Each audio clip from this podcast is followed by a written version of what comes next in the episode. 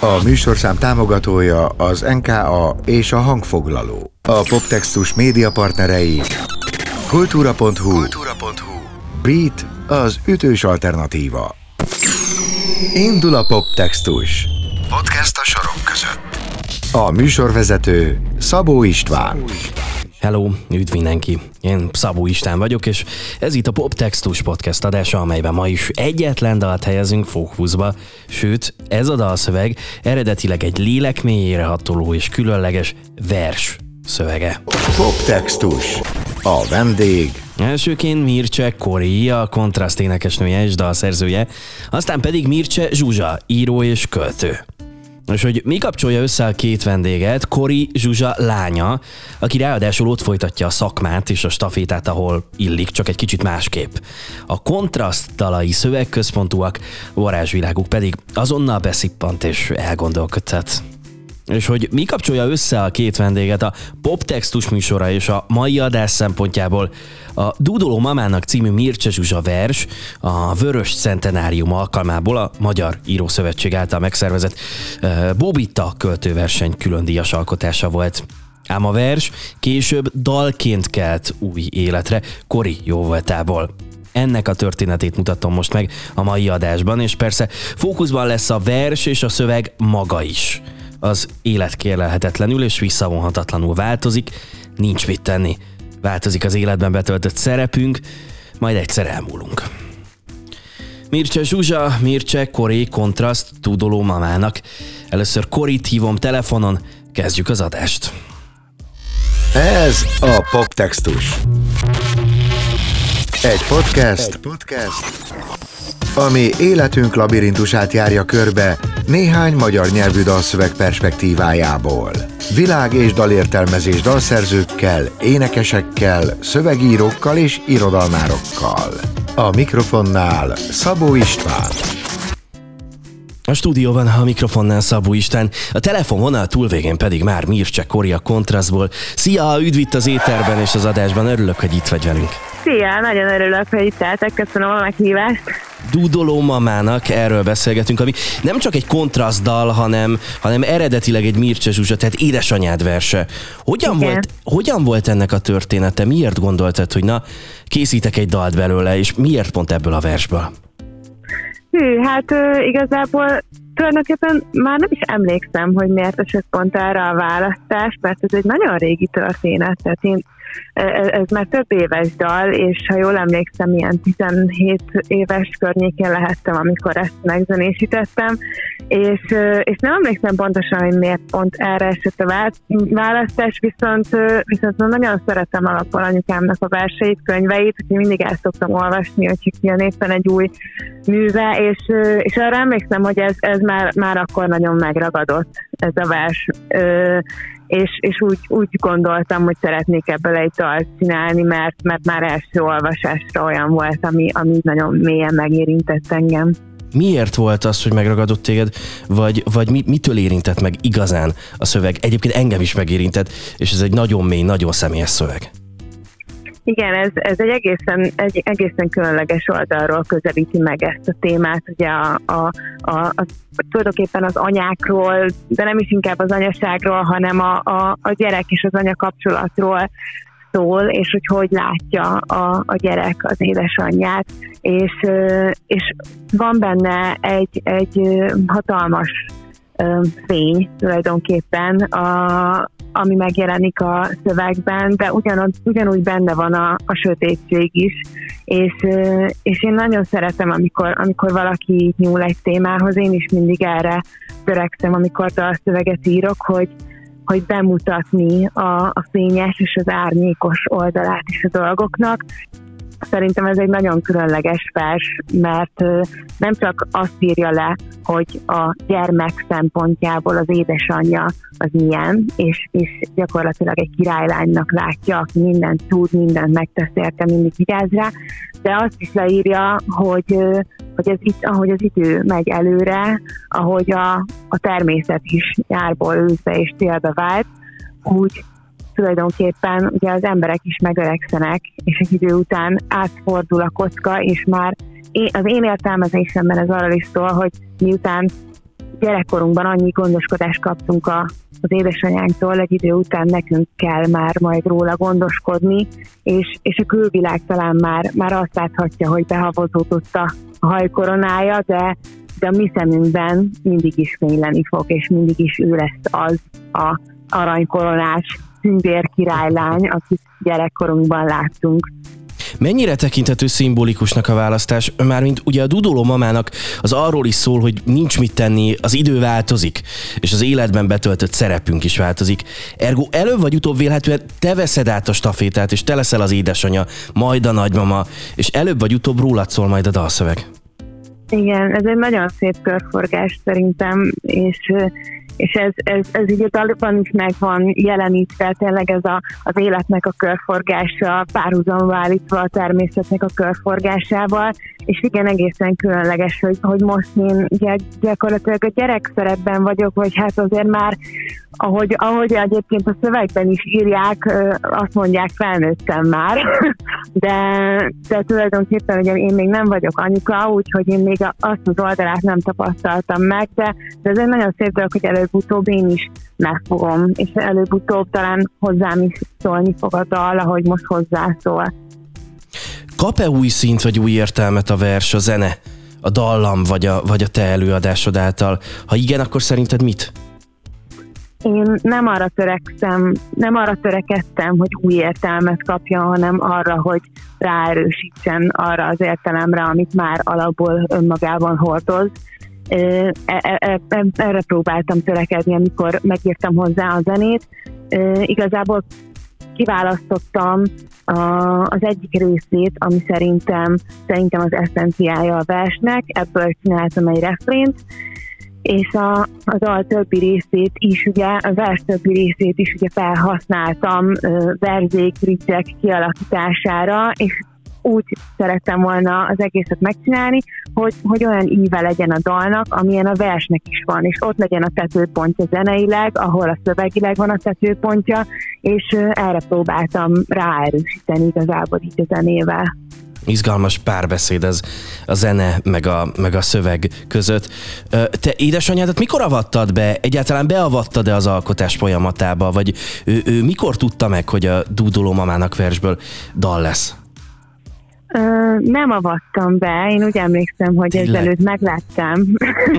Igen, akkoriban a, a Hunia Bistróban voltak koncertjeink, és az egyik koncertemre édesanyám is eljött, és, és akkor szerintem, de még az is lehet, hogy a születésnapján volt, de nagyon, nagyon, nagyon régi történet, de, de, de az a lényeg, hogy ő ott hallotta először a, a színpadon, hát az én egy szágitáros előadásomban hallotta először a dalt. Uh, hozzá kell tenni, hogy egyébként azóta, ugye most már, most már a kontraszttal játszuk Igen. ezt a dalt, és nem én egy gitárosan, és, és szerintem ez nagyon-nagyon sokat dob rajta. az én gitárzásom hagy némi kiveszni valót maga után, de, de azt hiszem, hogy akkor az egy nagyon szép pillanat volt még ezzel együtt jó ezt hallani. Egyébként, ha már a hangszereléstél meg a zenénél tartunk, egy internetes lapnak valamikor azt nyilatkoztad, hogy a, hogy a dúdoló mamának feljátszás akkor volt egy, volt egy extra vokál sáv, vagy volt szó extra vokál sávokról, de aztán nem lett. Miért érezted, hogy, hogy ez így jó, és a kevesebb, az egyértelműen nem kevesebb, hanem több? Igen, uh, tényleg ezt, ezt tök jó, hogy eszembe jutottad, mert már majdnem el is felejtettem, hogy ilyen történt. amikor, a, amikor az első lemezünket vettük fel a kontraszttal, akkor feljátszottuk a, a Dudoló mamának is, mert mindenképp szerettük volna, hogy rajta legyen a, a lemezen, még akkor is, hogyha én ezt korábban írtam, mint ahogy a kontraszt elindult és, és hát az összes többi dalnál több vokásszólam, gitárszólamok, stb. raktunk bele, de, de amikor, amikor a Dudoló mamának ott felénekeltem, akkor végeztem a stúdióban, tehát szerintem, szerintem kb. egyben ment az egész, tehát nem is voltak ilyen belejavítgatások, meg semmi, hanem egyszerre felénekeltem, és kértem, és, és így, így, így, mindannyian egymás néztünk, és így, így abban maradtunk, hogy ebben nem, nem kell több, ez ennyi. És ez szerintem pont, pont attól lesz érzelmes, és attól lesz ennyire ö, intim ö, az egész dalnak a hangulata, és ugyanakkor a katarzis is így van benne, hogy semmilyen plusz dolgot nem raktunk bele, csak, csak azt az egy gitárt és azt az egy éneket. Illetve ami, ami belekerült egyébként az eredeti egy gitáros verzióhoz képest, az Suzynek egy, egy gitár témája az elején, amit ehhez a dalhoz írt, és szerintem, szerintem gyönyörűen um, kiszélesíti és, és feldobja a dalt, de, de ugye ez is csak az, az egy gitásávon belül szólal meg ez a téma. Igazán szép lett a végeredmény. A, a kontrazené az, az roppant személyes és igazán szövegközpontú. Te el tudod képzelni, hogy a, hogy a kontraszt útját keresztezzék valamikor újabb versek?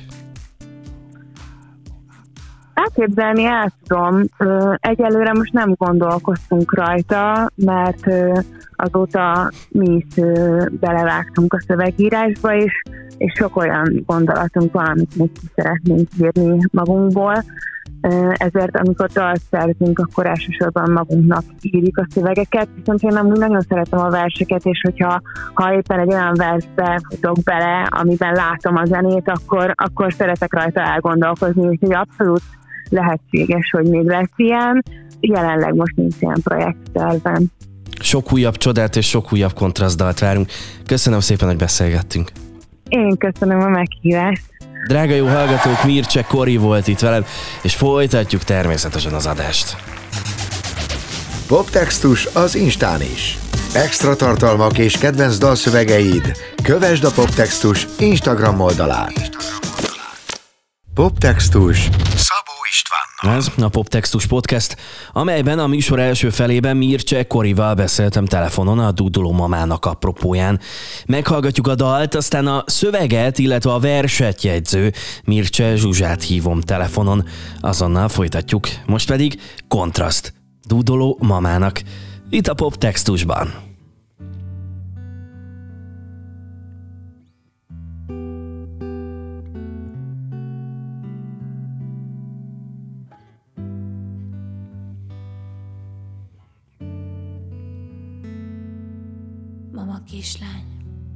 Azt játsza, hogy én vagyok a babája, ha megnövök, enyém lesz a harangvirág szoknyája. Szerintem ráhasonlítok a tengerében, csepp vagyok, mama, titokban királylány, tündérekkel társalok.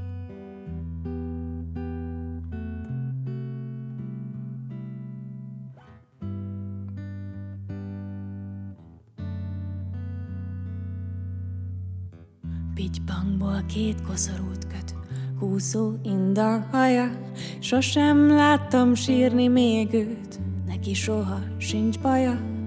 Karja fehér, égi paplan, betakar halázamban mama szeme, akkor is lát, ha elbújok álmomban. Azt mondják, felnőttem már, egyre erősebb vagyok, Nekem adtam minden kincsét, neki csak én maradok.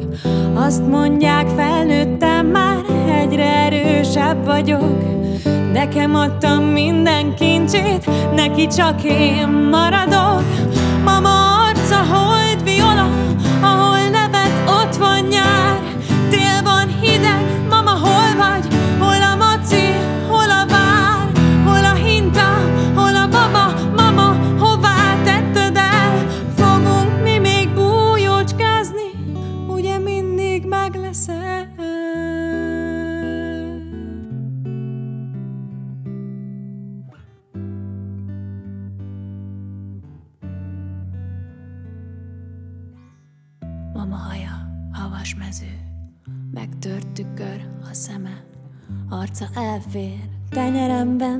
van nálam mindene.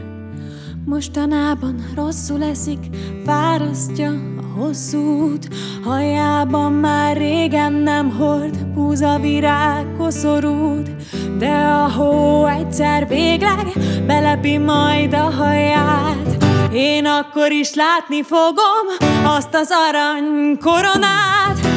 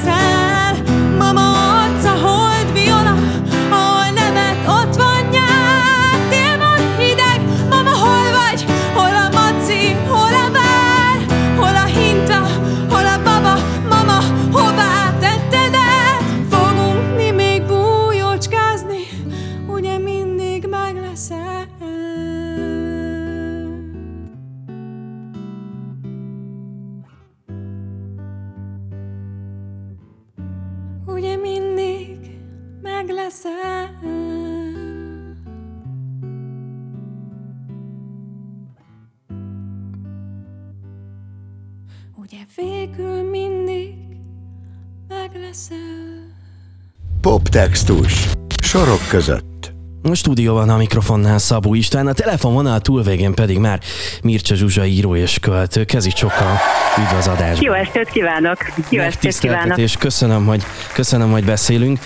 A dúdoló mamának szövege fontos Mircea Kori és a kontraszt életében, ez nem kérdés, én például koncerten is hallottam már felcsendülni magát a dalt. Ez a szöveg, ami alapvetően egy vers, mennyire fontos a szerző Mircea Zsuzsa életében, mert bár meg annyi díjról, meg kitüntetésről beszélhetnénk, ez a vers konkrétan külön díjasa volt például a Vörös Sándor centenárium alkalmából megrendezett Bobita költőversenynek is néhány éve. Igen, igen, igen. Nagyon köszönöm először is a meghívást, hogy egyáltalán beszélgethetünk erről a versről, illetve erről a produkcióról.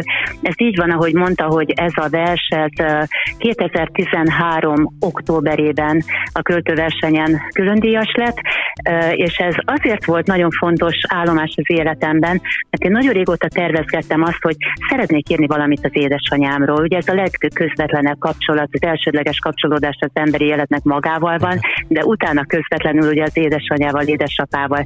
De hát ugye az emberi élet olyan, hogy mindig merőlegesen bejönnek a feladatok oldalról, középről, mindig éppen mást ír meg, és amikor olvastam ezt a pályázatot, akkor éreztem azt, hogy ezzel nekem dolgom van, mert ott, ott, ott volt egy olyan lehetőség, hogy az volt a, a téma, hogy család, és akkor azt mondtam, hogy na most, most van az a véletlenek ugye nincsenek, hogy most van az a helyzet, hogy amire én egész évek óta készülődöm, most kell, most kell ezt megírni, most kell ezt megugrani, és akkor elhatároztam, hogy bizony, akkor most, most összeszedem, és elmondom versformában a gondolataimat erről a nagyon különleges kapocsról, ami mindannyiunkban közös aminek kapcsán pedig született egy nagyon különleges vers is. Az hogyan van, hogy kedves, naív, gyermeki képekkel és jelzőkkel van tele a vers. Mégis azt érzem, hogy pont ezektől lesz igazán szomorú vagy, vagy tragikus éle az egésznek, mint amikor egy picit így, így kést forgatnak az emberben. Igen, én ezt úgy építettem fel annak idején, hogy szándékoltan egy gyerekvers hangulatot akartam, tehát a keret, a forma, mondjuk, hogy egy fényképnek képzeljük, vagy egy festménynek képzeljük el magát a verset, a keretet, amivel bekereteztem, a szándékoltan a, a, a gyereki megszólalásmód, tehát úgy választottam versformát is, hogy, hogy egy gyerekversekre jellemző, rímes, kötött szótak számú, tehát amiben így nagyon otthonosan, ha, ha mondjuk tartalom nélkül hallja az ember csak a ritmusát a versnek, akkor azt fog eszébe jutni, hogy ez egy gyerekvers. És a én, aki megszólal a, gyerek, a vers elején, az csak ugyan egy kisgyerek, ami ennek ő kiskorában látja az anya, anyukáját, az édesanyját, és aztán a, a, a, úgy, úgy gondoltam, hogy úgy fogok haladni a verszakok felépítésével, hogy megtartom a formát, de pont a drámaiságot azzal tudom növelni, hogy közben verszakról verszakra gyakorlatilag felnevelem ezt a, ezt a megszólalót, a líraiént saját magam, vagy aki olvassa a verset, hogy a kicsi lányból hogyan lesz, hogyan lesz felnőtt nő, és ugyanazt a kapcsolatot fogalmazza meg magának verszakról verszakra újra és újra, mert közben ugye az édesanyával is történik az életidő, megy vele is, tehát ezt a párhuzamos érési folyamatot hogyan tudom verszakokban visszaadni, és az a kapcsolat minősége hogyan tud megváltozni az évek alatt, ugye a pici lányból, amíg felnőtt lány lesz, és gyakorlatilag átveszi a stafétát az édesanyjától, hiszen egy idő után már én leszek a királynő, én leszek a felnőtt nő, és ő pedig átmegy egy másik életszakaszba. Tehát ennek a, ennek a nagyon különös és nagyon bonyolult és rétegzett kapcsolatnak szerettem volna úgy visszaadni a drámaiságát, hogy közben nem szakítok azzal a gyerekversi megszólalással, amitől szerintem ez így izgalmas, izgalmas tud lenni. És talán egy picit a, a, a hát, hogy óvatosan azt mondjam, hogy a komorságát uh, talán tudja enyhíteni, hogy ugyanakkor zeneiek a sorok, rímesek maradnak a sorok, megtartom a szótak számot, tehát nem úszom el uh, mondjuk egy kötetlen versformába, hanem, hanem azt a szigorú kötést azt végig megtartottam formailag. A dúdoló mamának az, élet, az életváltozásainak kélelhetetlenségét ragadja meg, hogy, hogy a legközelebbi emberi és családi kapcsolatok is változnak, aztán meg elmúlnak. Mennyire van ennek a versnek terápia jellege? Kicsit közhelyes a kérdés. Uh-huh. Szerintem nekem bárminnek, amit írok, mindig van egy pici terápiás jellege, hiszen, hiszen ha körülnézünk, akkor azt látjuk, hogy csupa, csupa feldolgozatlan, pici nagyobb trauma, csupa elvaratlan szál, csupa nem kezelt sebb van körülöttünk. Tehát nyilván, amikor, amikor, amikor arra gondolok, hogy most valamit szeretnék újra mondani a világnak, van mondani valóm a világnak, akkor nyilván, nyilván azt egy pici gyógyító szándékkal szeretném. Nem, nekem nem szak szakmám a gyógyítás, tehát én alkotó vagyok, író vagyok, de, de nyilván a hatás, amit a lélekre gyakorolt hatás, az mindig ösztönösen, meg most már azért szándékosan is mindig inkább a, a gyógyítás, a segítés irányába megy el. Tehát bizony ezek, ezek, ha onnan nézem, akkor egy picikét terápiás, terápiás versek, szövegek. Amikor Kori azt mondta, hogy ebből a versből, a dúdoló mamának szövegéből dal lesz, akkor ő mit szólt ehhez? Vagy mi jutott eszébe először? Uh-huh. Hát semmi, mert ez egy meglepetés történet volt. Ez úgy történt, hogy 2013. októberében megszületett ugye a díj, tehát a verset az korábban írtam nyilván évközben, valahol nyáron. Októberben ugye szirététetett, és aztán áprilisban gyanútlanul ültem a Hunnia Presszó kellős közepén, kori színpadon, és akkor egyszer csak, egyszer csak megszólalt a versem. És hát ez, szóval ez sokkos élmény, ez tényleg előtte nem történt ilyen velem, és főleg az, hogy, hogy, hogy a stafétát az ember hogy adja át, tehát hogy ugyanazt, amit én az édesanyámnak írtam, visszahallani, és ráadásul, ráadásul úgy, hogy dalban, dalban, dalba ömlik, hát nagyon nagyon, nagyon különös élmény volt. Tehát tényleg szerintem tarkón ütött. De hát csodálatos élmény volt persze. Egészen elképesztő és nagyon, nagyon kedves dolog ezt, ezt a történetet így hallani. Kap-e új értelmet, vagy új szint a vers, a megzenésítés, vagy a dallam által? Uh-huh. Ez már az ő produkciója, tehát én, én odáig, odáig tudom a sajátoménak érezni nyilván, amíg, amíg versformában, versformában létezik, de abban a pillanatban, hogy ő ezt a kezébe vette, ez már, ez már az övé. Tehát ez a mű az övé, én már onnantól kezdve csak, hát hogy nem is tudom, tehát mondjuk azt, hogy a, a segédanyagokat, vagy az alapanyagokat, mondjuk a lisztet, meg a sót, meg a cukrot, azt én adtam, de az a sütemény, amit már belőle süt, az már az ő terméke. Szerintem nagyon jól sikerült, mert alkotói szemmel is néztem, hogy nem éreztem, hogy bedarálja a szöveget a zene, hanem inkább azt éreztem, hogy kinyitja, ami nagyon ritka vers megzenésítéseknél, mert általában ugye az szokott a bajunk lenni a megzenésített versekkel, hogy, hogy valahogy úgy nagyon szép a dallam, meg nagyon szép az egész, meg felépítés, meg ékű a tetején, csak valahol elvészt a vers. Na ezt nem éreztem szerencsére, hanem azt éreztem, hogy úgy tudta megtartani a verset, hogy mellette felépített egy külön kis templomot, az ő, az ő olvasatát, az ő hangjegyekből, hangjegyekből szőtt olvasatát. Hogyan tekint Koriék vagy a, vagy a kontrasz zenéjére? Mert hogy amit ők csinálnak, az eléggé szövegközpontú, tehát akár azt is mondhatnánk, hogy, hogy nem feltétlenül esik messze az alma a fájától. Igen, hál' Istennek én is úgy gondolom, én is úgy gondolom, hogy van mondani valójuk a világról, rendkívül kreatívak, meg tudnak újulni, azért ez is nagyon fontos, hogy meg tudnak újulni, tudnak reagálni a világ éppeni dolgaira, a saját lelki változásaikra is, tehát egy nagyon-nagyon jó, jó, jó kezdeményezésnek tartom, amit, amit tesznek, és, és hát azt is, hogy bizony nem csak, tehát hogy ne a la, legyen, hanem, hanem bizony tartalmat, tartalmat közvet közvetíteni, és, és lesz, aki meghallgatja, lesz, aki odafigyel, lesz, aki megért. Úgyhogy nekem azt mondom, hogy kalap le.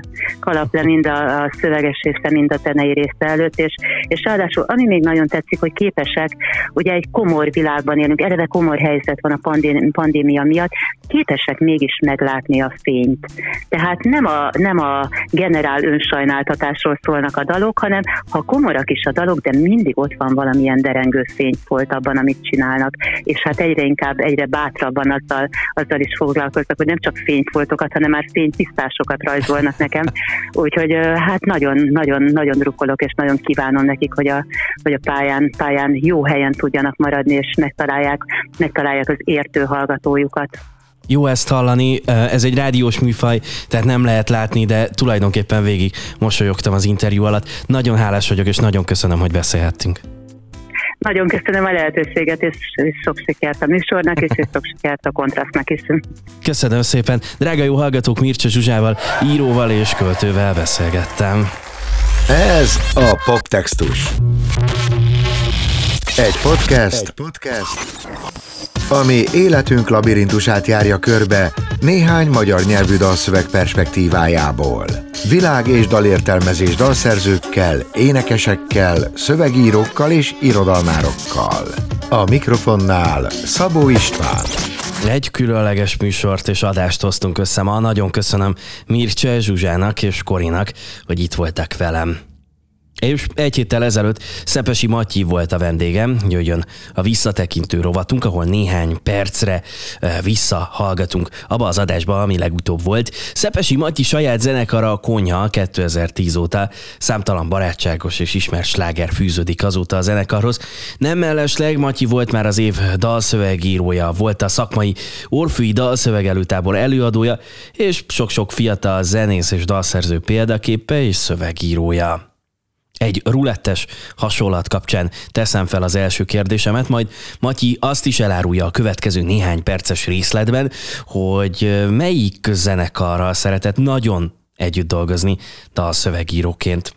Jön egy kis részlet, tehát a legutóbbi poptextus adásból, aztán hamarosan zárjuk a mai adást. Poptextus Szabó Istvánnal. Dalszerzőként és szövegíróként ez mennyiben olyan, mint a rulett, hogy te felrakod a tétet, magát a dalt, aztán szinte a véletlenen múlik, hogy kipöröge és közönségkedvenc lesz-e? Ö, hát egy, sajnos egyre jobban látom, hogy ez tényleg ilyen. De egyébként ez valamilyen szinten le is vesz az emberről terheket. Tehát, hogy régen sokkal nagyobb csalódás volt, amikor valami valami mondjuk egy kicsit jobban mellé ment, mint ahogy várta az ember. Most, hogy, most, hogy egyébként ennek sokkal nagyobb tétje van, most már kitapasztalta az ember, hogy a dolgok a természete az ilyen. Meg, nyilván a, meg, meg hát nyilván arra világít rá, hogy, hogy a befogadónak teljesen más, teljesen más jön le arról, hogy, hogy mit rakunk le az asztalra, mint nekünk. Tehát, hogy gondolatok mi bármit a saját dalunkról, úgyis, a, úgyis az embereknek fejében, meg a fülében dől el, hogy, hogy mit tud, mit ad. A véletlen faktorral kezdtük, de hát azért ebben nem csak véletlenek játszanak közre. Mitől működik igazán egy dal vagy dalszöveg? Nekem a konyha kapcsán mindig az jut eszembe, hogy bizonyos refrén mondatok egyszerűen beragadnak. Egyszer például egy, egy, egy kormányablakban az ügyintézésre várva teljesen random elkezdtem magamban dúdolni, hogy mindig ide bent, pedig nem is tudom, hogy mikor hallgattam előtte a dalt. Uh, hát két dolgon múlik szerintem, uh, vagy talán három dolgon, uh, hogy mitől működik jól egy dalszöveg. Én, én azt gondolom, hogy uh, nem a saját gondolatom, de csak igazolni tudom, hogy hagy egy helyet a hallgatónak. Tehát, hogy a jó, jó dalba bele tudsz költözni, bele, tehát azt, azt érzed, hogy rólad szól, hogy ez a te történeted miközben pontosan tudod, hogy ez valószínűleg valaki másnak a története, de mégis hagy annyi helyet a dal, hogy, hogy, hogy, az, hogy beleférjen a, a te sztorid, bele, bele, bele tud képzelni magad.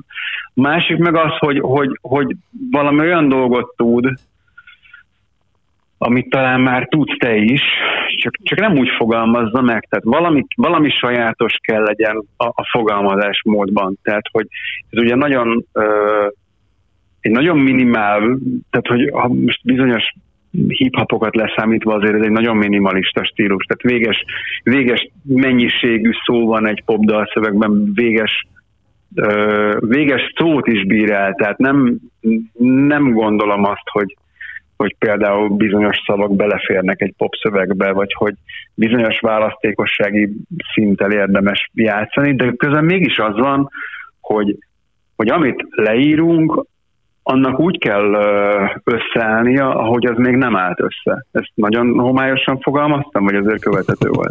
követhető volt, köszönöm szépen. Mondok egy példát, tehát az, hogy most Tessék. múlik pontosan. Most múlik pontosan. Ezt a három szót mindenki ismeri, mindenki használja.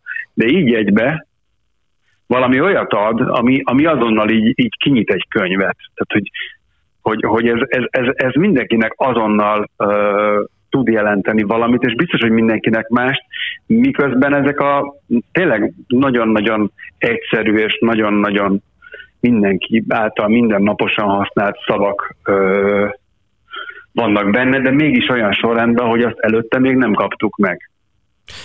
A saját felhasználású konyhadal szövegek és dalok mellett mire vagy te még nagyon büszke? Mert hogy nagyon sok zenésszel, zenekarral dolgoztál már együtt. Ki az az előadó, vagy melyik az a dal, amire azt mondod, hogy na, nagyot alkottunk?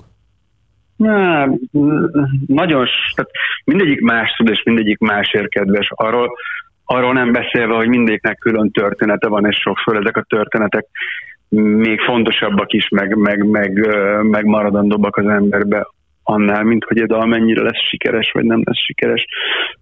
Nagyon sok nagyon sok mindenkivel dolgoztam tényleg, és még vannak olyanok is, amik meg se jelentek, mindegyik nagyon fontos. Azt gondolom, hogy ami, ami mondjuk egy olyan dolog, ami viszonylag aktuális, és és nagyon nagy élmény volt ez a, a Margaret Islandnek a meddig, ja. Mi, mi a cím, meddig maradunk, még azt hiszem az lett a címe végül. Nekem még úgy van a fejemben, hogy Poposka, mert hogy ez volt a munka címe. De hogy ez például egy olyan, az egy nagyon érdekes történet, tehát azt tudni kell, hogy a, hogy a Margaret Islandnek a legelső koncertje az 20-14 nyarán a Le 38 a konyha előtt volt. Bármilyen hihetetlen. és Bálintal már előtte is dolgoztunk együtt, ő az első emelkedő akusztikunkon volt session zenész. Még, még, még nagyon gondolkodott, hogy elvállalja, mert akkor érettségizett. Mondta, hogy nem biztos, hogy belefér. Tehát, hogy, hogy, hogy, hogy nekem ők, ők iszonyatosan fontos, kedves emberek, és egy olyan hihetetlen fejlődés történetet nyomtak le a szemünk előtt, hogy tényleg nem tudnék még egyet mondani, tehát tényleg az, hogy hat év alatt csináltak négy albumot, és most a legutóbbi kapcsán megkerestek, hogy egy pár szövegen dolgozzunk együtt, ami nagyon rendhagyó munka volt, mert nem az volt, hogy kaptam egy egy valami kamuangolt, hanem, hanem ők már vívták, főleg Kristóf, de Viki is vívták már maguk kis harcaikat a szöveggel, és leraktak nagyon-nagyon jó alapanyagokat, amikre ők azt érezték, hogy nem, nem kerek abban a formában, és sose csináltam még egyébként ilyet, iszonyatosan imádtam. Tehát, hogy nagyon, tehát mindegyikben voltak olyan gyöngyszemek, amikre így rákapcsolódtam, és tényleg, mint hogyha így nem is tudom, így, így fel, így, így, így, így ilyen, nem is tudom. Poptextus. A korábbi epizódokat és a műsorhoz kapcsolódó extra tartalmakat megtalálod a poptextus.hu weboldalon, poptextus.hu weboldalon és a Poptextus podcast csatornáján Spotify-on és az Apple podcastek között. Kövess bennünket mindenhol! Ne maradj le! Köszi, hogy hallgattad ezt a mai adást. Egy hét múlva ismét találkozunk, ez volt a Poptextus, velem Szabó Istánnal. A műsorszám támogatója az NKA és a hangfoglaló. A Poptextus média partnerei kultúra.hu, kultúra.hu. Beat az ütős alternatíva.